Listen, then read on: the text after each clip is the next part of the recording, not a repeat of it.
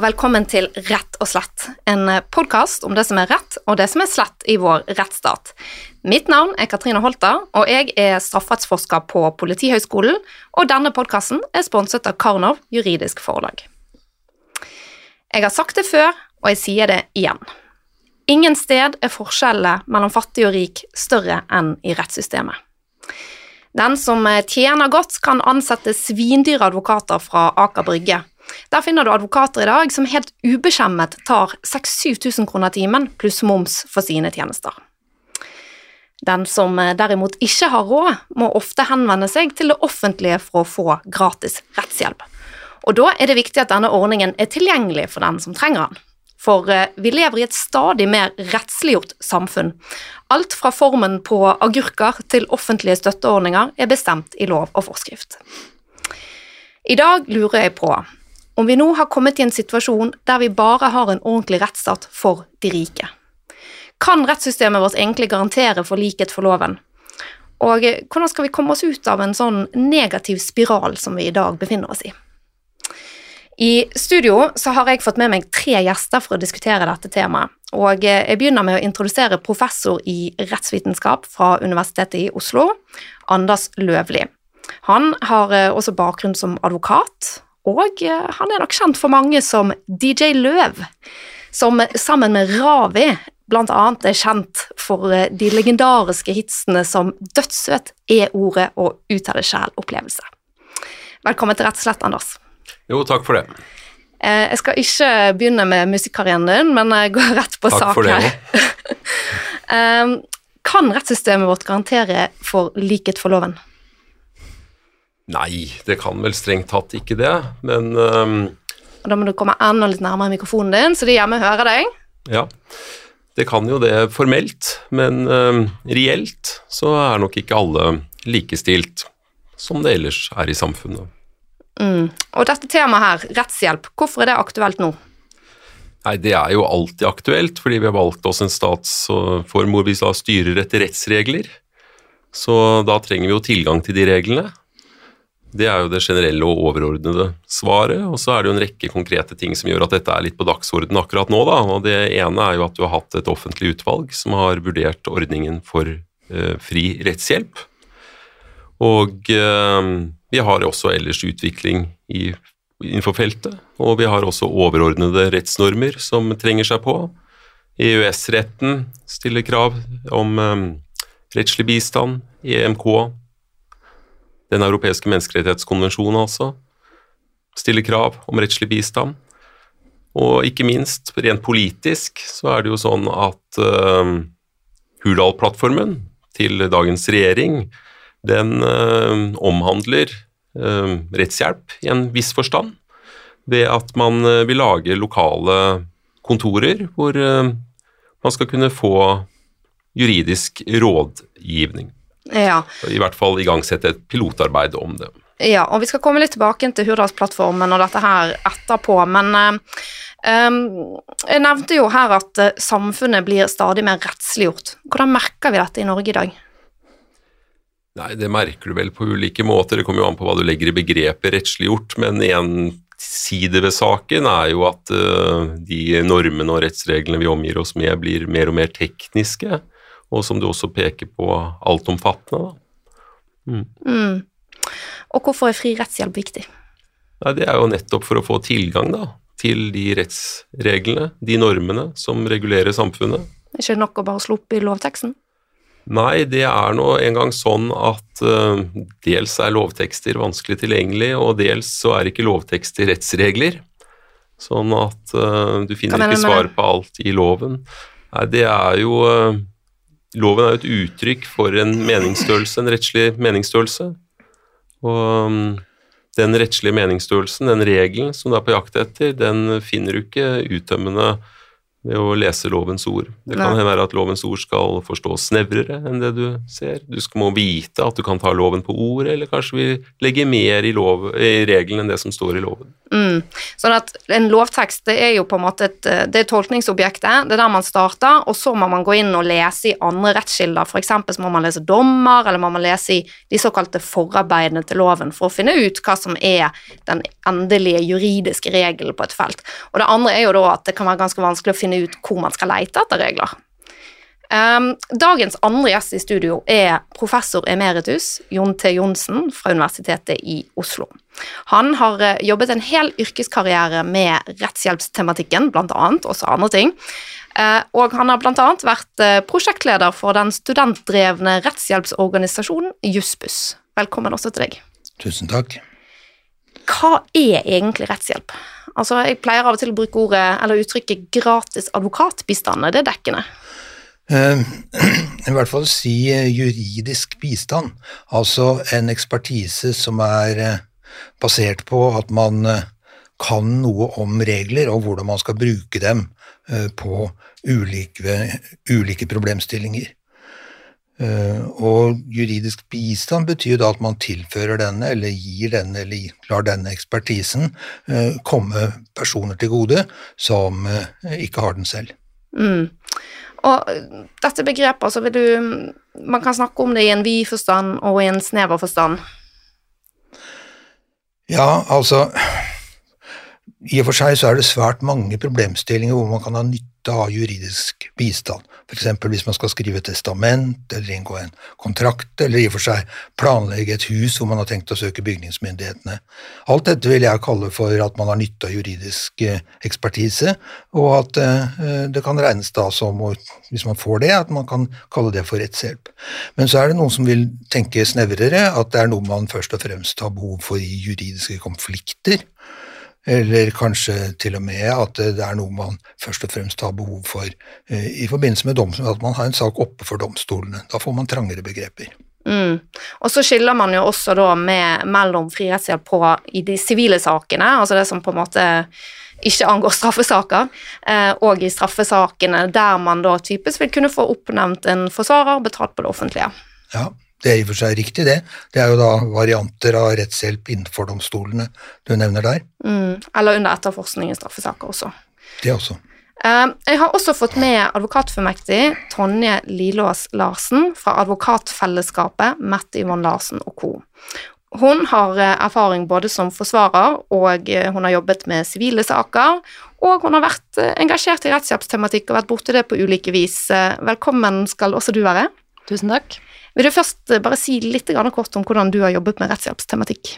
Ja, i likhet med Anders og Jon så ble jeg også kjent med rettshjelp gjennom Jussbuss. Jeg jobba der eh, både som medarbeider og daglig leder. Og mm, etterpå så gjennomførte jeg også da i samarbeid med Jussbuss eh, en rettshjelpsundersøkelse som gikk ut på å kartlegge rettshjelpsbehovet i Ullersmo fengsel. Eh, og senere så har jeg også jobbet på et forskningsprosjekt eh, for Juristforbundet i samarbeid med Universitetet i Oslo, eh, hvor spørsmålet var mer overordnet eh, hvordan tilgangen til eh, rettssystemet og rettshjelp er, da, eller tilgang til tvisteløsning. Mm. Hvordan er det, da? ja, det er jo Man kan si veldig mye om det, men helt overordnet så er det et veldig fragmentert system. Um, og tilgangen til eh, rettshjelp, da, som er temaet i dag, den, den er veldig varierende. Den varierer med lommeboka, som du også har vært eh, inne på, og den varierer med ulike kompetanser, um, ulike folkegrupper, holdt jeg på å si, deler av befolkningen. Um, og den varierer også ut fra hva slags problemer du trenger hjelp med, da. Så Mm. det er mye å ta tak i. Hvordan opplever du da rettshjelpsregler sett fra din advokathverdag? Er det mange som ikke har krav på dette, som du tenker burde hatt det? Ja, absolutt. Både, det, det er jo veldig mange forskjellige måter å begrense tilgangen til rettshjelp på. Um, og én måte er jo denne inntektsgrensen, eller behovsprøvingen, som man snakker om. Som Ja, det at du må liksom tjene over en viss sum, eh, eller under en viss sum, for å kunne kvalifisere for å få gratis advokat. Ja, og det er jo kanskje den måten man snakker om begrensningen i rettshjelpsordningen som får mest oppmerksomhet.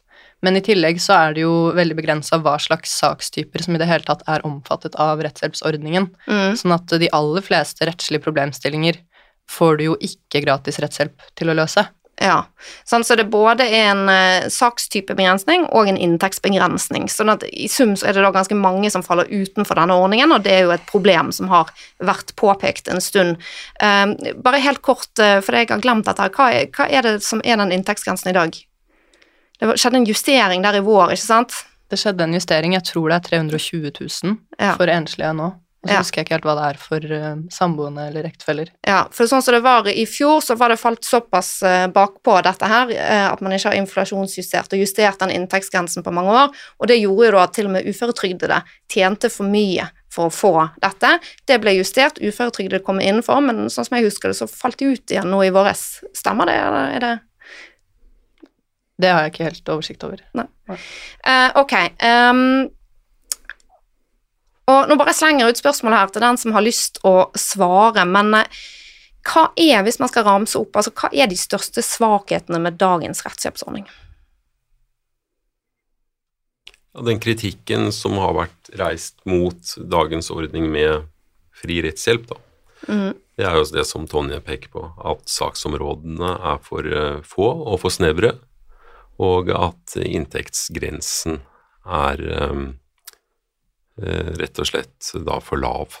mm, Sånn at det er for mange som ikke har sakstyper som omfattes, og det er for mange som, hvis de har sakstyper som omfattes av ordningen, faller utenfor fordi de tjener for mye. Men Jon, du har jo fulgt med på dette feltet i lang tid, og vil du si noe om eh, hvordan dette mm, egentlig har utviklet seg? Altså, Har det alltid vært et problem her? med inntektsgrenser og Eller med, at, med ordningen, har den alltid vært for svak, eller er det på en måte et Ja. nytt fenomen? Det tror jeg er riktig å si at den alltid har vært for svak. Det har variert selvfølgelig hvor eh, svak den har vært. Men én ting som er lite fremme i debatten, men som jeg mener er en alvorlig svakhet, det er rett og slett at det er eh, for få advokater som er villige til å ta den type saker, i forhold til de som har eh, behov og rett til rettshjelp. Og eh, det er også veldig vanskelig å finne fram til advokater som er villige til å ta saken. Mm. Og det er fordi at den offentlige salærsatsen er såpass lav som den er, da? Dette har ført til at eh, en del advokater ikke vil ta disse eh, oppdragene fordi at det ikke er regningssvarende. Ja. Særlig de da, som du nevner fra Aker Brygge, som har veldig høye kontorutgifter, vil jo gå kraftig i minus hvis de skulle få fri rettshjelpsats Mm. for en sak. Um, og det skal vi komme litt tilbake til. uh, men um, mange er jo, har jo da vært engasjert i å bedre rettshjelpstilbudet til de som er minst bemidlet i vårt samfunn. Uh, og det ser man bl.a. med at det drives ulike sentre for uh, å gi gratis rettshjelp osv. Men hva har egentlig politikerne gjort? Er de uh, nok på? Uh, Anders, du var inne på Hurdalsplattformen. Der står det jo bl.a. at regjeringen vil igangsette et pilotarbeid i form av nærtjenester for økt tilgang til statlige tjenester og kort vei til tjenester som juridisk rådgivning gjennom etablering av lokale servicetorg. Hva tenker du om dette? Nei, altså Det som er på dagsorden, det er jo at man har hatt et offentlig utvalg som har vært nedsatt til å vurdere fri rettshjelpsordningen. Og den eh, utredningen den følges nå opp av departementet, så vi er jo liksom in progress. Og det er jo antagelig også derfor vi er invitert hit, fordi nå skjer det jo noe. Og dette har jo skjedd før også, uten altfor store resultater. Så det er jo med dagens inflasjonsutvikling ikke grunn til å være for optimistisk. Samtidig så er det eh, sjeldent mange som er opptatt av dette akkurat nå. Og mange som bryr seg om rettshjelp og har et bevisst forhold til rettshjelp. Og vi har jo også ikke sant, sett eh, Det blir jo snakket om det i kjølvannet av uh, store hendelser som bl.a. trygdeskandalen nå, da. Ikke sant? Hvordan, hvordan man kan ha et system da, som ingen kontrollerer ordentlig. Ikke sant? Hvorfor skjer det? Ja, En mulig forklaring på det er jo begrenset med rettshjelp for den gruppen det gjaldt. da. Ikke sant? Du har jo Det er en- Nav-skandalen du er inne i nå. Ja, for eksempel, det- det blir jo bare spekulasjon fra min side, men det er klart at det finnes jo veldig mange folk som kan mye om EØS-rett, og som antagelig ville steila øh, hvis de hadde vært borti en trygdesak, men de sitter ikke og jobber med trygdesaker, altså. Ja, og der Ja. kan jeg også bare legge til at i Nav-skandalen så var det jo faktisk sånn at For der eh, ble det jo straffesaker, Og i de straffesakene så gikk jo mange av de enten som tilståelsessak eller som en liten hovedforhandling som typisk varer to timer i retten. Og da er jo eh, det er sånn i straffesaker at en stykkpris, altså en såkalt fast pris for oppdraget, som styrer hvor mye du har krav på bistand eh, fra advokat, Eh, og den er på fire til seks timer. Så på fire til seks timer skulle altså en forsvarer finne ut av kompliserte bakgrunnsjus i internasjonal rett og kunne påberope seg dette her mm. på vegne av borgerne. Så det er absolutt ja, en sak hvis du isolerer det, men så kan du jo tenke på dette her som et strukturelt fenomen òg. Altså, det handler om hvilken advokatstand du vil ha overfor den gruppen, mm. i, et, i, et større perspektiv enn den enkelte advokat og dennes timer. Det handler jo om de generelle arbeidsbetingelsene, muligheten til å kunne dypdykke ned i ting, muligheten til å diskutere med kollegaer, muligheten til å ha en intellektuell refleksjon rundt det du er en del av, istedenfor at du er en kanin som løper fram og tilbake hit og dit mm. og kjemper for timene. Ja, det er kjempeviktig, og at dette her eh, kan skape rett og slett også rekrutteringsutfordringer for advokatbransjen. Um, Tonje, du, du, jobber jo som eh, advokat, eh, og kan du si noe om eller har noe inntrykk av hva det sånn typisk sett koster å gå til et søksmål i dag? Det kommer jo helt an på hva saken gjelder, og, og, hvor lang tid man trenger til å forberede saken, og hvor lang tid man trenger i, i retten. Men um, det var jo en av de tingene jeg så litt på i den ene rapporten jeg skrev om tilgang til tvisteløsning og rettshjelp. og Um, undersøkelsen min da viser i hvert fall at uh, det er for en gjennomsnittshusholdning uh, sin inntekt, da, hvis man ser på den på et år, så kan sakskostnadene i en uh, ganske vanlig sak fort være omtrent halvparten av årsinntekten. Ja, og man sier vel gjerne òg at det koster minst 100 000 kroner per dag i retten. Ja, jeg vet ikke om, det, om, man kan si det helt generelt, men det viser jo i hvert fall at det er snakk om veldig store summer, da, som for hvermannsen ikke er på en måte aktuelt å bruke i det hele tatt. Mm. Uh, og så nevnte jeg at på Aker Brygge så er det i dag advokater som uh, tar 6000-7000 kroner timen, pluss 25% moms for sine tjenester. Og jeg lurer på hva dere egentlig synes om dette. Altså, Stemmer det egentlig at det er noen som har så eksepsjonelle evner at det er verdt å betale den type summer for det? Jon, ja, vil du uh... Det må du jo på en måte spørre de som som uh, bruker disse tjenestene, men det vil jeg jo tro. Det er jo stort sett næringslivet og velstående uh, eller ressurssterke enkeltpersoner som bruker den type tjenester. Og jeg tror ikke de gjør det uten at de syns at det lønner seg. Det er vel også et uttrykk for hvor utrolig viktig og verdifullt det kan være med rettshjelp. Ikke sant? Mm. Altså, og disse advokatene henvender seg jo i et marked hvor det finnes penger. Mm. Og folk som er villige til å betale for det. Så det sier jo noe om betydningen av rettshjelp i samfunnet, og det å kunne sikre da kontrakten sin på best mulig måte, og verdien av det for deg som en mm. ja, som bedriftseier, eller hva det måtte være, da. Og det er jo ikke noe annet enn et uttrykk for det. Men har det noen negative konsekvenser for rettsstaten? Nei, Det vet ikke jeg noe om. Jeg vil vel tro at uh, det som er negativt, det er jo at du ikke klarer å få det, samme engasjementet og den samme arbeidsviljen knytta til andre deler av befolkningen. Da. De som ikke har de pengene å overføre. Uh, hadde du hatt uh, det dekket, så hadde det vel ikke vært noe problem. Så jeg klarer ikke å si at det isolert sett er noe problem. Ære være dem som klarer å selge arbeidskraften sin på den måten. Ja. ja, jeg kan jo også legge til at et problem kan være eh, hvis man ser for seg en eh, mindre bemidlet person som enten betaler en lavere pris for sin advokat, eller som får fri rettshjelp. Eh, den møter jo en motpart som kanskje er i en helt annen situasjon, og man kan jo ikke på en måte styre hva slags advokatsalær motparten er villig til å betale. Sånn at i et sakskostnadsspørsmål så kan jo det innebære en veldig stor risiko for Eh, den som enten har eh, fri rettshjelp eller som betaler en lavere pris, da. Ja, for det, du er inne på nå, og som gjør at jeg en av grunnene til at jeg er ganske kritisk til dette her, det er jo at man i sivile saker så er det altså en hovedregel om at hvis du taper i et søksmål, du går til retten, du taper, så skal du dekke motparten sine sakskostnader. Uh, og det handler jo om at liksom Da har ikke du hatt retten på din side, ikke sant, så derfor så skal du på en måte den andre slippe å gå ut av det med, med et økonomisk tap.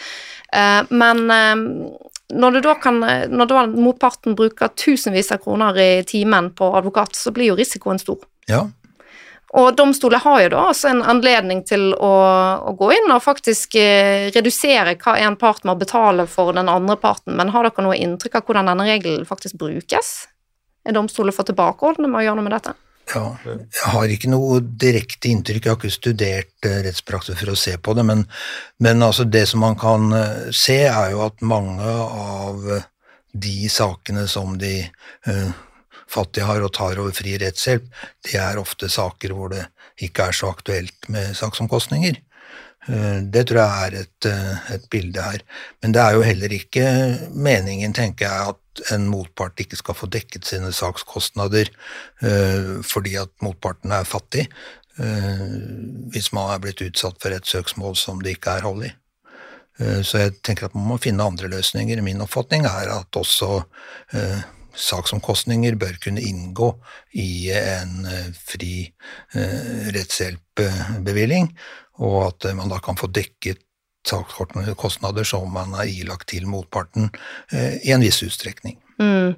Jeg tenker at det kan være behov for noen endringer her, og en mulighet kunne jo vært at man eh, at loven bestemmer at det du kan få dekket, er opp, altså det er en timepris for advokat opp til et rimelig nivå, og så over det så må du stå for det sjøl hvis du skal på en måte ha en slags luksusadvokat. Um, men uh, vi kan gå litt videre, fordi um, det er jo også sånn at uh, retten er uh, plassert bak betalingsmur på sett og vis. Altså, hvilke, Anders, hvilke reelle muligheter har folk som ikke er jurister, til å finne ut av sine rettigheter uten å måtte gå til advokat i dag? Nei, altså Det er jo et symptom igjen, syns jeg, da, på, um, på, de problemene vi står overfor her. Og det er at Og dette har jeg liksom tenkt ganske mye på og jeg blir mer og mer overrasket over at det er sånn. men Situasjonen er jo den at i Norge i dag så tilbyr ikke staten et sted hvor borgerne kan få rettskildene, altså det som ut, ligger til grunn for rettens innhold, samlet og konsentrert.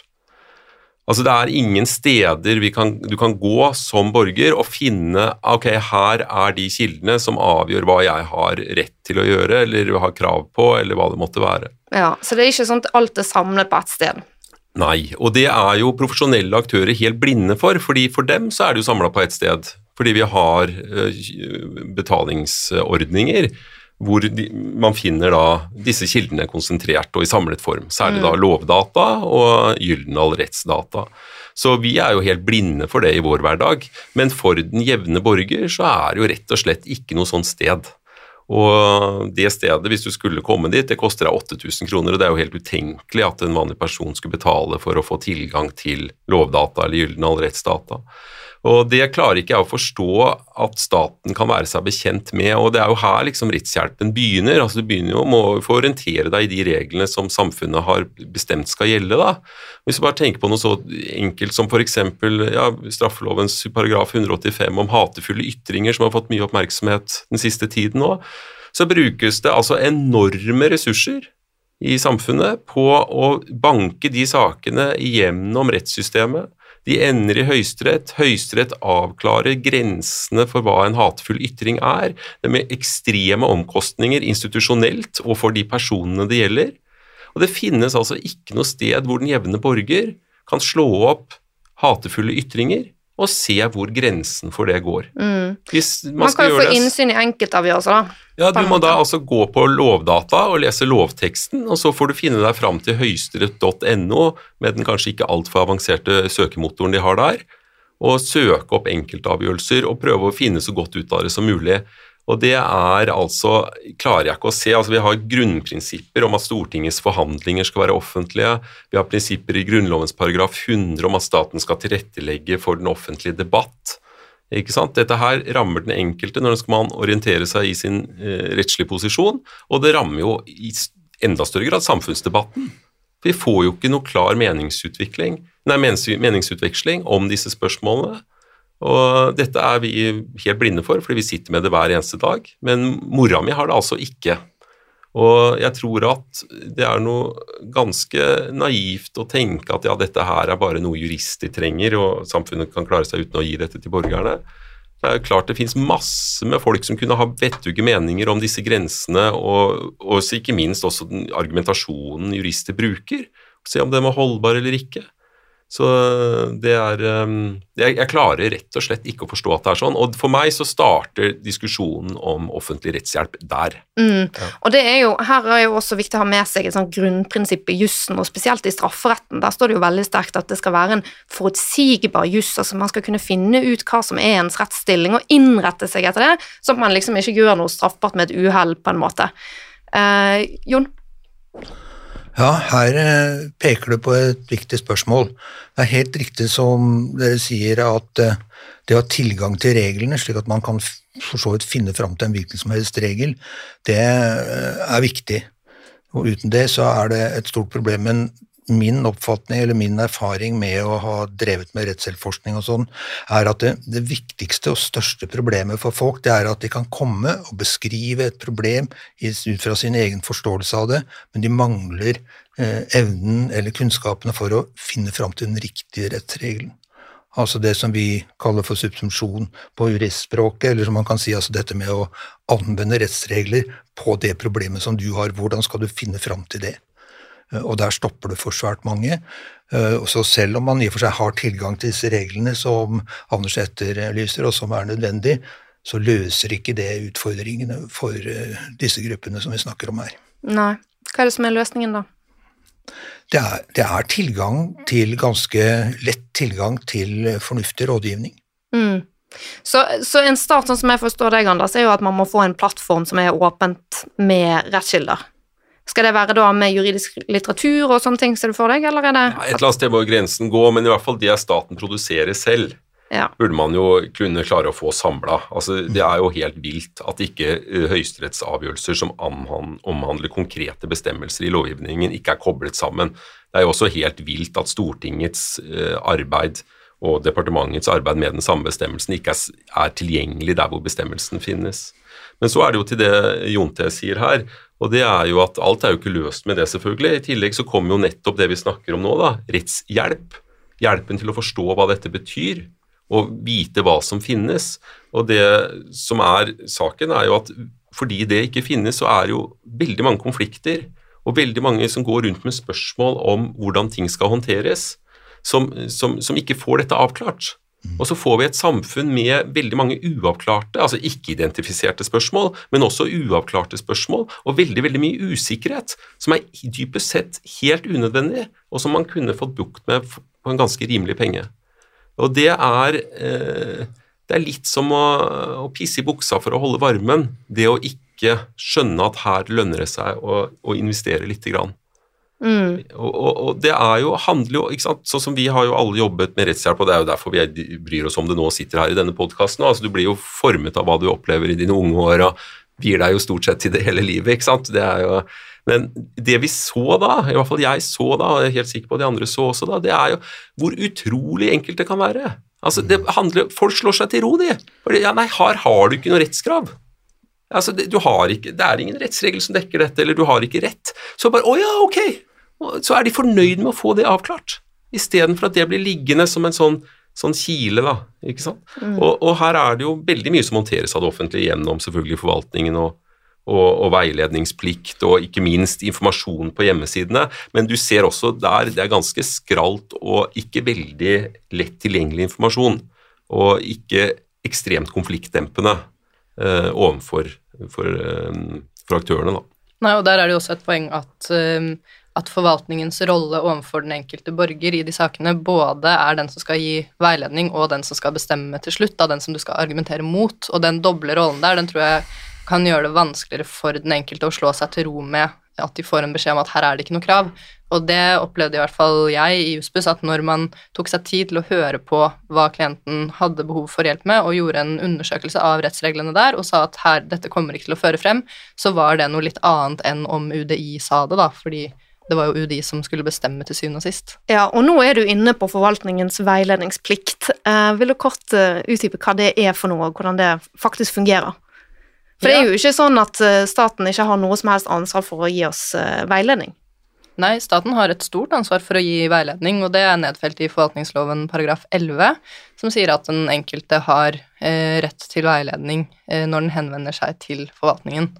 Eh, og den er jo tolket ganske vidt, da, så det skal ikke være sånn at, eh, at den enkelte har formulert en ferdig juridisk problemstilling, og så skal den løses av forvaltningen, og man skal på en måte pekes i riktig retning. Eh, men man skal jo også få veiledning der hvor det er litt mer spissede mm, problemstillinger, da. Og jeg tror det er veldig varierende mellom både hvor komplisert spørsmålet er, og og mellom ulike forvaltningsorganer hvor godt den veiledningsplikten egentlig fungerer. Eh, et eh, eksempel som jeg har vært opptatt av, er jo eh, kriminalomsorgens veiledningsplikt overfor de som soner straffedommer. De som soner straffedommer, er jo helt avhengig Det er jo en fysisk barriere mellom personen som ønsker veiledning, og den Eh, personen de skal få veiledning fra. Og der ja, fordi de faktisk sitter i fengsel bak lås og slå. Ja, og der er det jo eh, Alle de ansatte i kriminalomsorgen er jo også ansatt i forvaltningen og har plikt til å gi veiledning, men da ofte innenfor et felt som de ikke selv jobber med, da, sånn at det blir flere ledd med eh, veiledningsplikt som ikke alltid følges så veldig godt, og som gjør at man på en måte eh, støter på mange hindre. Mm. Eh, men også finnes det jo eh, rettshjelpsforsikringer. Løser de noe av problemet? Kan du forklare kort hva det er for noe, hvordan det, det funker? Ja, det fungerer jo på ulike måter, men, ehm, men en vanlig ting er jo at du har en forsikring gjennom, eh, fag, eller, gjennom fagforeningsmedlemskap, eller gjennom at du Hjem. kjøper bolig. Hjemforsikring. Ja, innboforsikring hvor det er en klausul om at du kan få eh, Ofte er det et tak da, på 100 000 f.eks. Eh, dekket i advokatbistand. Eh, ok, Så til dere lyttere så kan dere merke dere altså at dere kan sjekke inn boforsikringer og den slags, og så kan det ofte hende at dere faktisk har krav på en del rettshjelp eh, allerede gjennom de forsikringene som du har i dag. Ja, og så er det jo en del begrensninger da, i hvordan, altså hva slags saker du får rettshjelp i, og ofte så er det også begrenset til etter at det er tatt ut stevning, sånn at på det, som, det rettsrådstadiet, da, som vi kaller det, før man kommer inn for domstolene, det er ofte ikke dekket av rettshjelpsforsikring, er i hvert fall mitt inntrykk. Eh, det, Så det dekker rett og slett å gå til søksmål? Ja, ofte, det er i hvert fall mitt inntrykk. Foreligger en tvist, mm. er vilkåret. Ja. Ja, men, eh, men, du spurte om det bidrar eller om det avhjelper noe. Det, det, har jeg vært litt positivt overrasket over, faktisk. Hvor mange som har en eh, rettshjelpsforsikring, og hvor mye de mm. egentlig kan dekke. Da. Så der tror jeg nok uh, mange kan gjøre akkurat det du sa, og bare sjekke hva slags forsikringer de har. Så tror jeg nok det er mer enn man skulle tro, faktisk. Mm. Men uh, forsikringen dekker jo ikke opp for, for, for svakheter i forvaltningens veiledningsplikt. Nei. Sant? For disse forsikringene er typiske tvister mellom to borgere. Ja. Mm. Ok. Um, vi har jo også noe Og nå hopper jeg litt til strafferettsområdet. fordi at det er, jo, det er jo en total sum med penger som bevilges til rettshjelp. Uh, og et spørsmål her er jo hvor pengene egentlig forsvinner i dag. Hva er det man bruker penger på? Eh, og noe som er eh, nokså nytt i strafferetten, det er at vi har en eh, bistandsadvokatordning som gir fornærmede rett advokat i straffesaker. Og det er jo på mange måter et viktig gode. Men så kan det også tenkes at det er noe som har Altså det kommer noen Det har noen uheldige utslag også.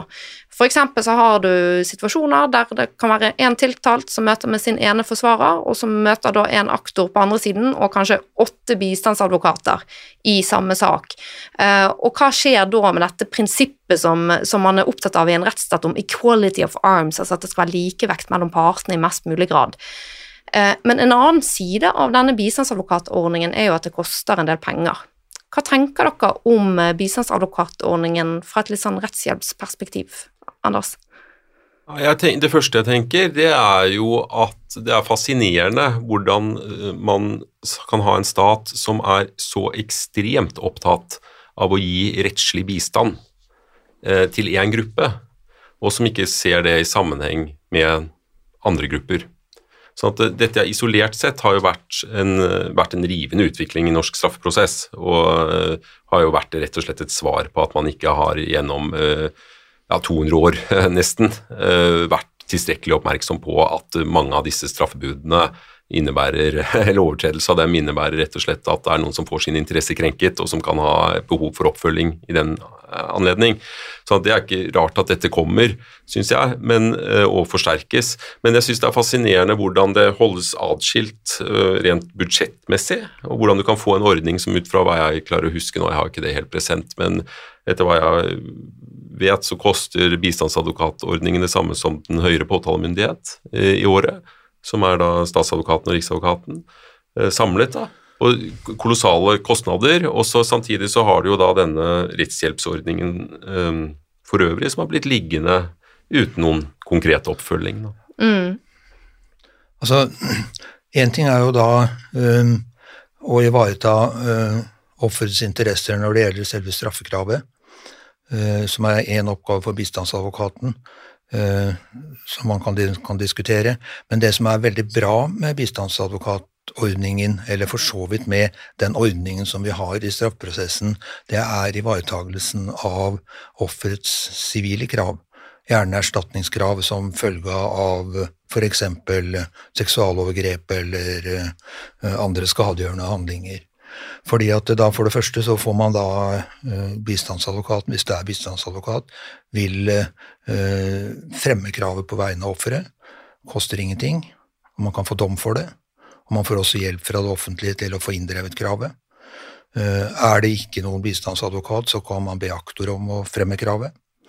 Eh, slik at det er en ganske effektiv og rimelig ordning sammenlignet med hvor tungvint og dyr, også for eh, de som har rett til fri rettshjelp, hvor dyr denne ordningen er i form av egenandeler og saksomkostningsrisikoer osv. Det siste må du forklare litt nærmere.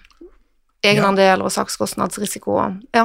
ja, ikke sant. Eh, på, hvis du skal ha følge rettshjelploven, den skal være den alminnelige sivile rettshjelpordningen, så er det jo slik at hvis du tjener over et uh, visst nivå, så kan du få rettshjelp, men du må betale en egenandel, og som nå er foreslått uh, hevet vesentlig, uh, også fordi man da ønsker å få flere inn under Altså egenandel foreslått hevet? Ja, det er, det er altså egen, egenbetalingen, at det du må betale selv. Og så har du saksomkostningsrisiko. Ja. I en sivil sak så har du jo den etter dagens system. Ja. Men altså hvis dette her gjøres som ledd i straffesaken, så risikerer du ikke som offer å få saksomkostninger. Men Tonje, du, du, kanskje du kan si litt om for Nå var vi inne på dette rettshjelpsutvalget, sant? og de har kommet med sitt forslag. Eh, vil du helt sånn kort og overordnet eh, redegjøre for hva det er som dette utvalget anbefaler å gjøre? Ja, det kan jeg gjøre veldig kort. Så er det Og nå er vi altså i eh, de sivile sakene. Nå er det den frie rettshjelpen utenfor straffsaker vi snakker om. Ja, og det er jo det dette utvalget har undersøkt. Um, og det de har uh, vurdert, er Vi snakket jo om måte, hva slags sakstyper som faller innenfor ordningen, og der har de gjort noen mindre justeringer, men der er det ikke Det er vel ikke så mye å, å ta tak i der, på en måte. Det var ganske små justeringer. Um, men uh, de store endringene, det er på, um, på behovsprøvingen og på egenandelene, som uh, Jon også var inne på. altså at man skal regne flere som har et behov, enn det man gjør i dag? Ja, det ene er jo at uh, man skal få flere innenfor ordningen ved å heve inntektsgrensene. Og så har man laget en litt ny utforming som man kaller et beregningsgrunnlag, som skal ta høyde for flere faktorer enn det inntektsgrensene gjør i dag. Um, blant annet at man skal se hen til forsørgerbyrde og gjeld, og så skal man komme frem til et uh, beregningsgrunnlag. Og grensen på hvor stort det beregningsgrunnlaget kan være, det er 5G, sånn at det beløpet knyttes til folketrygdens grunnbeløp, sånn at man slipper det du nevnte tidligere med at inflasjonen løper fra, eh, fra på en måte grensen for å få rettshjelp, da. Ja, fordi 5G vil jo da bli justert, altså 1G justeres hele tiden. Ja. Hvert år. Mm. Ja, så da slipper man i hvert fall at det utdateres av seg selv, sånn som det har vært eh, nå eh, i mange år. Uh, I tillegg så er det dette med egenandeler, som er en ganske ny konstruksjon. Vi har jo egenandel i dag også, men det er begrenset til Er det åtte ganger rettshjelps- eller rettsgebyret? Um, ja, så man må Det er ja, i underkant av 10 000 kroner, ja, er det vel, som er. Det er egenandelen, ja, ja, når du får gratis advokat. Og så er det i tillegg et gulv, sånn at de som tjener under 1G, de er unntatt fra plikten til å betale egenandel. Ja, og 1G er vel rundt 106 000 eller noe sånt? Ja, rundt der. Ja. Og, mens nå så skal eh, det gulvet fjernes, sånn at egenandelen kommer inn fra start, uansett hvor mye du tjener, eller uansett hva som er beregningsgrunnlaget ditt, da. Uh, og egenandelen er satt til mellom 5 og 75% av det eh, rettshjelpen koster. Um, Oi, 75% ja. Det er jo en stor økning.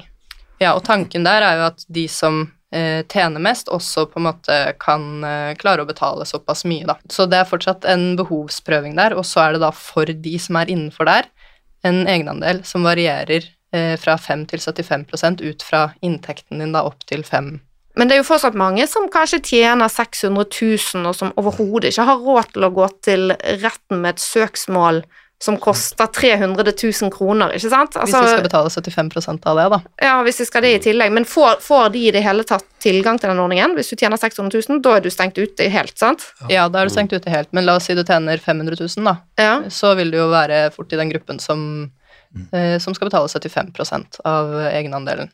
Ja. Det, Så det er jo det en- som er Så poenget er jo å få flere inn, Ja. og så fordele kostnadene. ja. Ikke sant? Sånn at du Men det høres jo ikke ut som vi er i nærheten av å, å få til noe som gjør at folk har råd til å gå til domstoler. Mm. Ja, det er ikke bare domstolene, det vil også være rettshjelp utenfor domstolene. Ja. Men eh, altså det å vite nøyaktig hvor mange som går inn under, det er vanskelig. Ja. Og det er gjort noen beregninger, jeg tror man nå er 25% av befolkningen man tenker skulle være inne, eller noe i den stilen. 600 000 var et overslag du hadde. Så det er ikke helt sikkert, men det, men det vil være en vesentlig økning av de som går inn under grensene uh, i forhold til sånn som det er nå. Men til gjengjeld også da uh, større egenbetaling. Mm. Også det grunnleggende spørsmål blir det flere advokater av dette? Blir advokatene mer interessert i dette? Det gjør de ikke. Da må man sette opp salærene. Mm. Og Dermed så står man da at man da har en liten advokatressurs som er for liten i dag, og nå skal man fordele den på enda flere.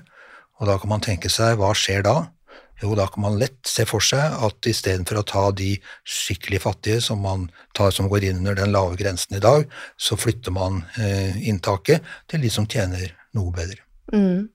Men eh, det høres ut som at eh, svaret her er at eh, uansett man må bruke mer penger på rettshjelp.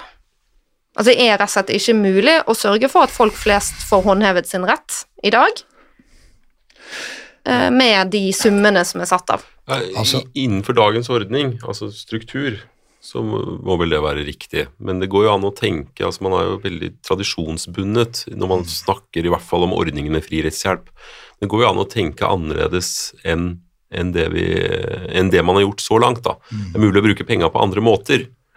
Og, mm, Det er jo en, syns jeg, en prinsipielt sett viktig dissens i dette utvalget som vil nettopp betale på andre måter og bruke pengene annerledes. Ja, vil du eh, fortelle litt om den dissensen? Hva er det den går ut på? Ja, altså, den går ut på forholdsvis mye, men én viktig ting der er å lage en førstelinje. Så man tenker at uh, de aller fleste i eh, aller fleste av befolkningen skal kunne eh, benytte seg av, og man skal kunne gå og få kortvarig juridisk rådgivning. En førstelinje, hva Ja. ligger i det? Ja, det er samme som på en måte man tenker på en førstelinje eh, når det gjelder helse. Altså de som rykker ut og videre, og som liksom tar tingene eh, helt i starten. Og at de da kan få råd opp til en eh, eh, halvtime eller kanskje en time. Dette er litt sånn forskjellige modeller eh, av kvalifiserte rådgivere, eh, og gjerne advokater. Og man i og for seg kan komme med de aller fleste typer problemer og få det diagnostisert. Har dette noe for seg? Og så kan det løses fort, for det kan svært mange sånne problemer av folk som har greie på dette her. Eh, og så gjør man det da, på en halvtime eller et kvarter. Ellers så setter man vedkommende på riktig spor. Litt som å opprette en slags legevakt bare for juss. Et rettshjelpssenter Det der alle kan si. komme. Det Mm. kan man godt si. Og så er det legevakten som da sorterer om du skal videre til sykehus eller ikke. Ja. Og disse vil da ha en funksjon der de gir deg råd til om du har en sak som det er verdt å gjøre noe videre med, da. Ja, Ja. Det kan godt være at de kan løse den på stedet også. ja. Eh, Vi har hatt et ganske stort eh, forsøksprosjekt for jeg ja, nå, tolv år siden omtrent, og eh, hvor man da i det 30-40 kommuner som var med på dette her, og hadde et sånt, eh, kan man si, et sånt førstelinjesenter eh, på, kommunalt førstelinjesenter, hvor man fikk den type rådgivning. Og Resultatet var at de løste langt over halvparten av de problemene som kom der, advokatene, eh, på stedet, altså i løpet av den tiden. Mm. Og selvfølgelig det kan sies mye om dette, kan ut, helt opplagt forbedres og eh, bli enda bedre enn det var der, men jeg syns de resultatene var ganske lovende. Men hvorfor går ikke flertallet inn for dette forslaget, da? Det må du spørre flertallet om. Altså, de, de diskuterte ikke dette her uh, i uh, uh, komiteen. ja, det var en sånn dissent som kom, ble skrevet litt på tampen der, var ikke det sånn? Altså, dette her vil jeg for så vidt ikke mene så mye om, men jeg, det, men jeg vil bare si at jeg syns det hadde vært nyttig om dette utvalget hadde diskutert dette. Og de sier også i utredningen at de syns i og for seg en førstelinje er interessant og bra, men det er vel omtrent bare en liten, eh, et avsnitt eller to i utredningen, og det er ikke gjort noe for å utrede det der. Mm. Anders? Nei, ja, nei, det blir jo bare spekulasjon, men jeg har jo sett noen sånne utredninger av, av og til, og det, det, er jo ofte et valg om du ja, hvor, hvordan du vil legge opp opplegget, og om du vil uh, legge deg tett på det du håper å få gjort noe med, og som det er lett å kunne få politisk gjennomslag, eller om du vil ha litt større vyer. da. Og Der er det jo ganske ulik holdning ofte blant uh, ulike utvalgsmedlemmer, om man skal være prinsipiell og bare overlate det til politikken, eller om man skal tenke litt strategisk og pragmatisk hva man kan få til. da. Og Når du leser denne utredningen, så er det jo helt uh, tydelig i hvert fall at de har tenkt hva de kan få til. Uh, og, og, knyttet seg veldig tett opp til det eksisterende med justeringer, ikke sant? litt i forhold til hva slags sakstyper, og litt i forhold til inntektsgrenser og beregning av det og kriteriene for det. Mens uh, det å gå ut av det vante spor er jo uh, ja, ofte mer krevende, ikke minst for jurister, som jo i mm. stor grad drives av tradisjon. Ja. Men, men, ja. ja nei, men, det er jo riktig som du sier, og jeg tror det er det som er grunnen til at de har konsentrert seg om disse her, økonomiske vilkårene og sånn. Men mandatet åpnet jo for mer enn det. Mm. Og dette er ikke noen ny idé, dette er heller. Altså dette her med en sånn førstelinje har vært der siden rettshjelploven ble utredet på 1970-tallet. Jeg har akkurat sittet og sett på debatten den gangen, mm. og kan si at så har det gått igjen med flere sånne uh, skilleveier hvor det har vært laget utredning hvor man har gått inn for dette, men det hadde blitt noe av. Og så er det jo å si at man har jo en god del institusjoner som i praksis fungerer som førstelinje i dag innenfor avgrensede rettsområder. Vi har jo snakket om uh, Jussbuss, du har JURK, du har uh, Jussformidlingen i Bergen. Du har Kontor for fri rettshjelp i, i ja, Oslo. Og, og, sist, men ikke minst Forbrukerrådet. Og Forbrukerrådet, og du har, ikke sant, du har Husleietvistutvalget. Så du har jo eh, ulike institusjoner som, som virker på denne måten. Ja. Så det handler jo egentlig bare om å ta overblikket og sette det i et system, og, og tilby det mer generelt, da. Ikke sant? Du finner jo ulike tuer som, som, hvor man hjelper til. For, eh, Så, for, forbrukerrådet har jo en helt annen rådgivnings- og rettshjelpvirksomhet eh, innenfor forbrukerområdet enn man finner på noe annet rettsområde. Hvordan fungerer det, da? Altså, de har jo forbrukerkontorer rundt om, de har en omfattende Uh, og veldig bra sånn uh, Og hvem, hvem, er det som tar kontakt med de? Altså det hvis du har Forbrukerrådet, hvis du f.eks.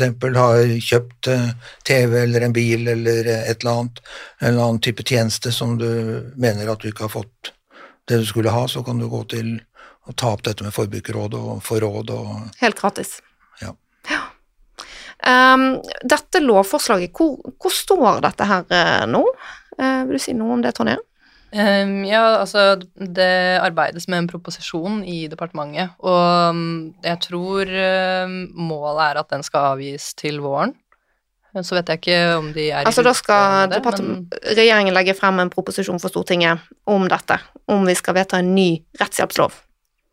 Ja. Det ja. er det som er det jeg har hørt, i hvert fall. Ja. Vet vi noe om uh, hva de vil følge opp? Nei, det vet vi litt om. Ja. Som det ofte er. Det får vi ikke vite noe om før det kommer, tror jeg. Ja. Men uh, det er jo interessant, da, uh, om man vil legge seg på et uh, høyere kostnadsnivå eller ikke i disse trange budsjettidene. Mm. Så jeg er litt spent på det også. Det er ikke noe satt av noe til reformen i, til neste år i, statsbudsjettet, så vidt jeg vet. Ja. Så det må eventuelt komme som egen bevilgning hvis det skal skje noe da. Ja. Mm. Hva tenker dere om advokataksjonene som har vært? Altså Forsvarergruppen har jo hatt en uh, slags aksjon i Høyesterett uh, der de uh, nektet å ta straffesaker over lengre tid, i et forsøk på å få opp den offentlige salærsatsen. Det kom det jo, Ut av det så kom det jo en ordning der de skal få en forhandlings... Et sånt organ som de skal kunne forhandle om salærsatsen på, for den har jo så langt bare vært ensidig fastsatt av departementet. Jeg skal ikke si noe om den aksjonen um, som jeg mener feilaktig er kalt en streik i veldig mange sammenhenger, men det jeg skal si, det er at jeg syns nok den satsen er for lav. Eller det er det mange som mener, og det må det være rimelig å, å uttrykke. Uh, om det er riktig form eller ikke, det, det vil jeg ikke ta stilling til. Mm.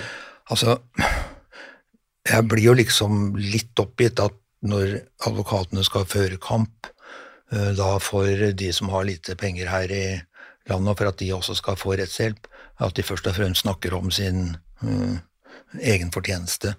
Uh, men jeg er enig i at det går en nedre grense når man har det systemet som man har, men man kan jo spørre også da, når man ser dette, er, skal det være slik at uh, advokatenes inntjening skal være bestemmende for hvor mye det koster det offentlige og oss å yte rettshjelp til de som er dårligst stilt i samfunnet? Mm, vil du utdype det litt? Ja. Altså hvordan da? Altså at du tenker ja, for Jeg tror at det går an å få disse tjenestene rimeligere hvis man organiserer f.eks. offentlige rettshjelpskontorer eller en førstelinjetjeneste som det vi snakker om her. Så kan man få en billigere og mer effektiv rettshjelp. Godt mulig at totalsummen blir større enn den er i dag, men altså hvor mye man da produserer av god rettshjelp for disse gruppene, det tror jeg vil øke betydelig. Ja, Men ikke det et dilemma her at det er snakk om ofte et møte med det offentlige? Altså at uh, den private part må på en måte ha en slags rett til å velge sin egen representasjon i møte med staten? Jo, men hvis de kan, har noe å velge mellom.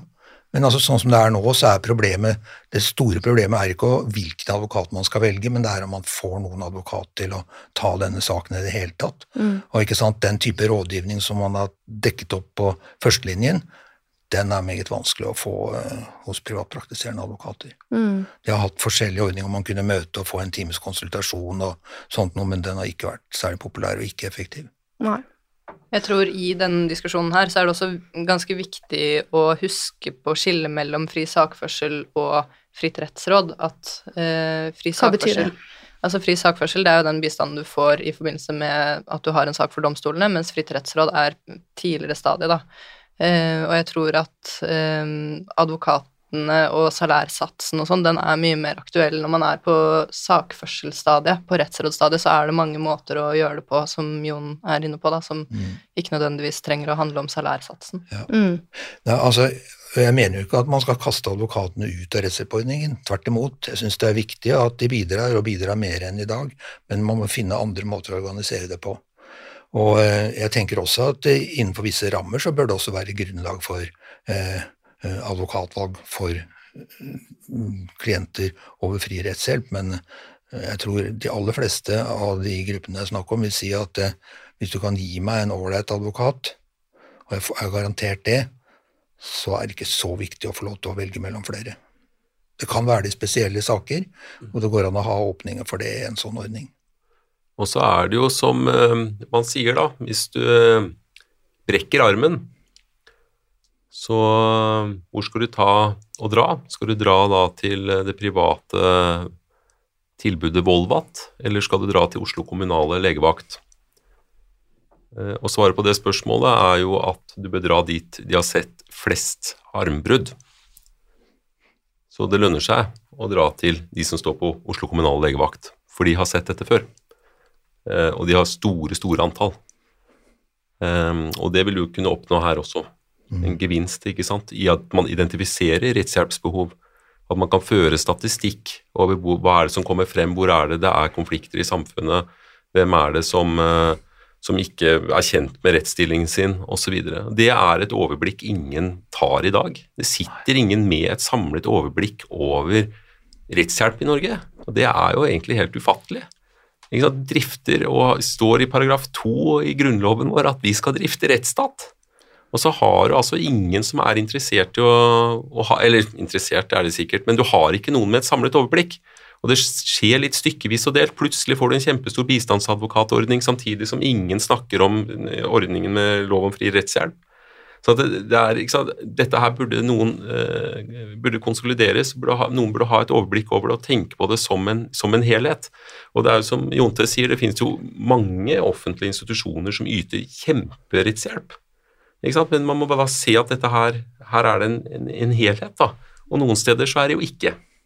Mm. Og, og, kanskje der hvor man trenger det mest, og der hvor det er rammer folk hardest, så er det jo lite rettshjelp å få. Tonje nevnte f.eks. fengslene hvor du har hatt eh, også tilsynsordninger som ikke har fungert skikkelig, og i det hele tatt eh, hvor du har folk i sin mest sårbare situasjon, og hvor de også er liksom frarøvet muligheten til å ha kontakt med noen der ute. Ikke sant? Har, hvor mye ringetid har du i fengsel i dag? Jo, det er 20 minutter i uka. Ikke sant? Altså, og så skal du drive og, og håndtere rettsspørsmålene dine på det. Mm, vil, ja, bare tenk på, tenk på um, Viggo Kristiansen som satt på Ila med 20 minutter ringetid i uken og jobbet for å få gjenopptatt uh, saken sin. Altså det sier, uh, sier sitt.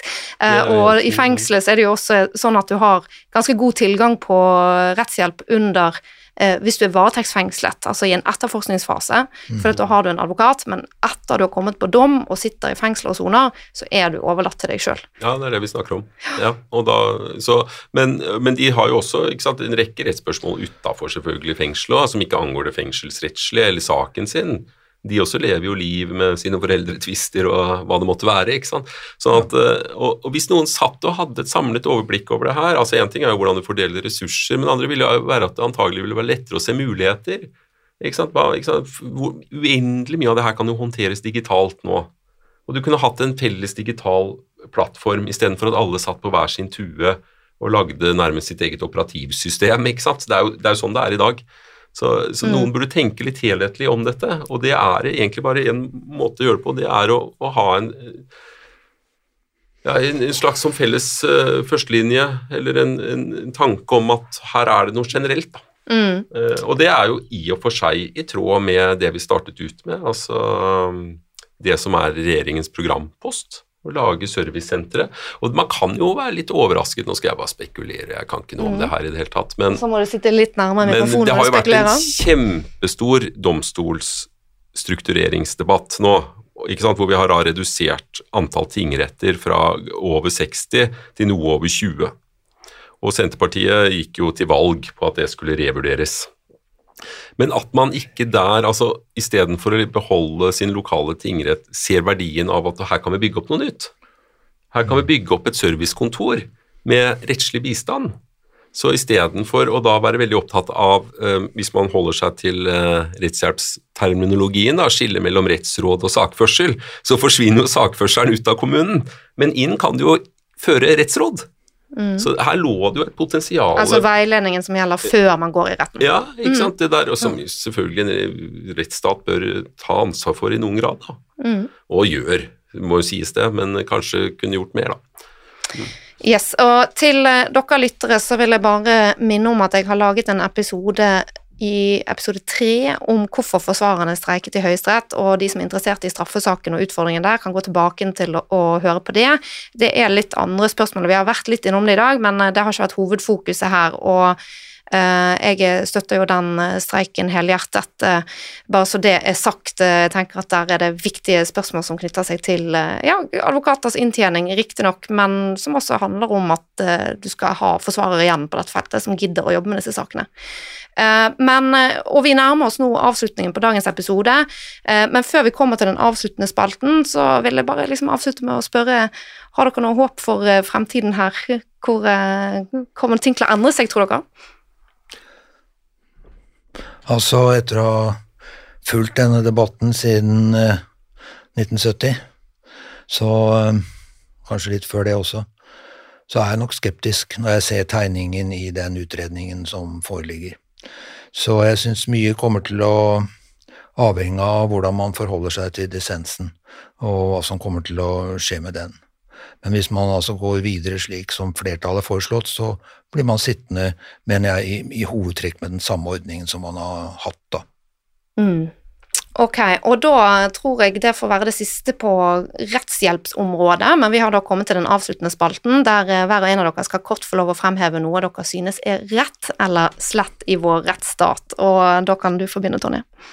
Ja, jeg, eh, jeg tror jeg må si eh, rettshjelpssituasjonen i norske fengsler. Den, altså rettshjelpssituasjonen er veldig dårlig generelt for mange grupper, men for, for fanger så er den helt, helt fullstendig ikke-eksisterende på de aller fleste spørsmålene de har. I hvert fall sånn som vi klarte å kartlegge det i vår undersøkelse, så var det 1 av de sakene vi fant som kunne eh, avhjelpes ved hjelp av den rettshjelpsordningen vi har i dag. Eh, så for meg så er det et klart eh, slett eh, bilde. Mm, som blir òg veldig alvorlig, for det skjer Altså, de blir jo utsatt for mange vedtak og, og inngrep når de sitter fengslet òg.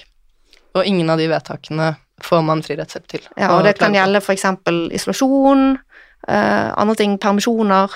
Ja, og bare sånn søknad om eh, utvidet ringetid fordi du vil eh, snakke med barna dine. Veldig sånn Kan høres banalt ut da, for oss som er utenfor og har eh, fri tilgang, men når du, eh, når du sitter i fengsel, så blir de tingene veldig store og en eh, veldig viktig del av tilværelsen. Eh, men du er helt overlatt til deg selv for å rydde opp i det rettslige rundt det. Mm. Anders? Nei, det jeg syns er slett, det er jo at du ikke har tilgang til rett. Rett og slett. Mm. Jon? Altså, jeg syns at eh, en stor svakhet er manglende eh, fokus på minoriteter i eh, rettshjelpspolitikken. Både de som våre nye minoriteter, som har eh, skyldes innvandringen som er kommet stort sett fra 1970-tallet, men også våre gamle nasjonale minoriteter som samer og kvener. Der er det i tillegg til de problemene som oss, si, vanlige, vi vanlige etniske nordmenn har, så har de en rekke andre sorter problemer også, som overhodet ikke tas alvorlig i rettshjelputredningen. Mm. Og det var det vi hadde tid til i dag. Takk eh, for det fine bidraget fra gjestene her i studio, og eh, takk til alle som har vært med i samtalen vår der hjemmefra. Husk å abonnere på denne podkasten, og eh, hvis du liker det du hører, så er det også veldig hyggelig om du vil legge igjen en anmeldelse eller en rating din, i din podkastspiller. Fortell også gjerne om podkasten til en venn eller kollega, så hjelper dere meg med å nå ut til nye lyttere med rettsstatsbudskapet. Vi Høres!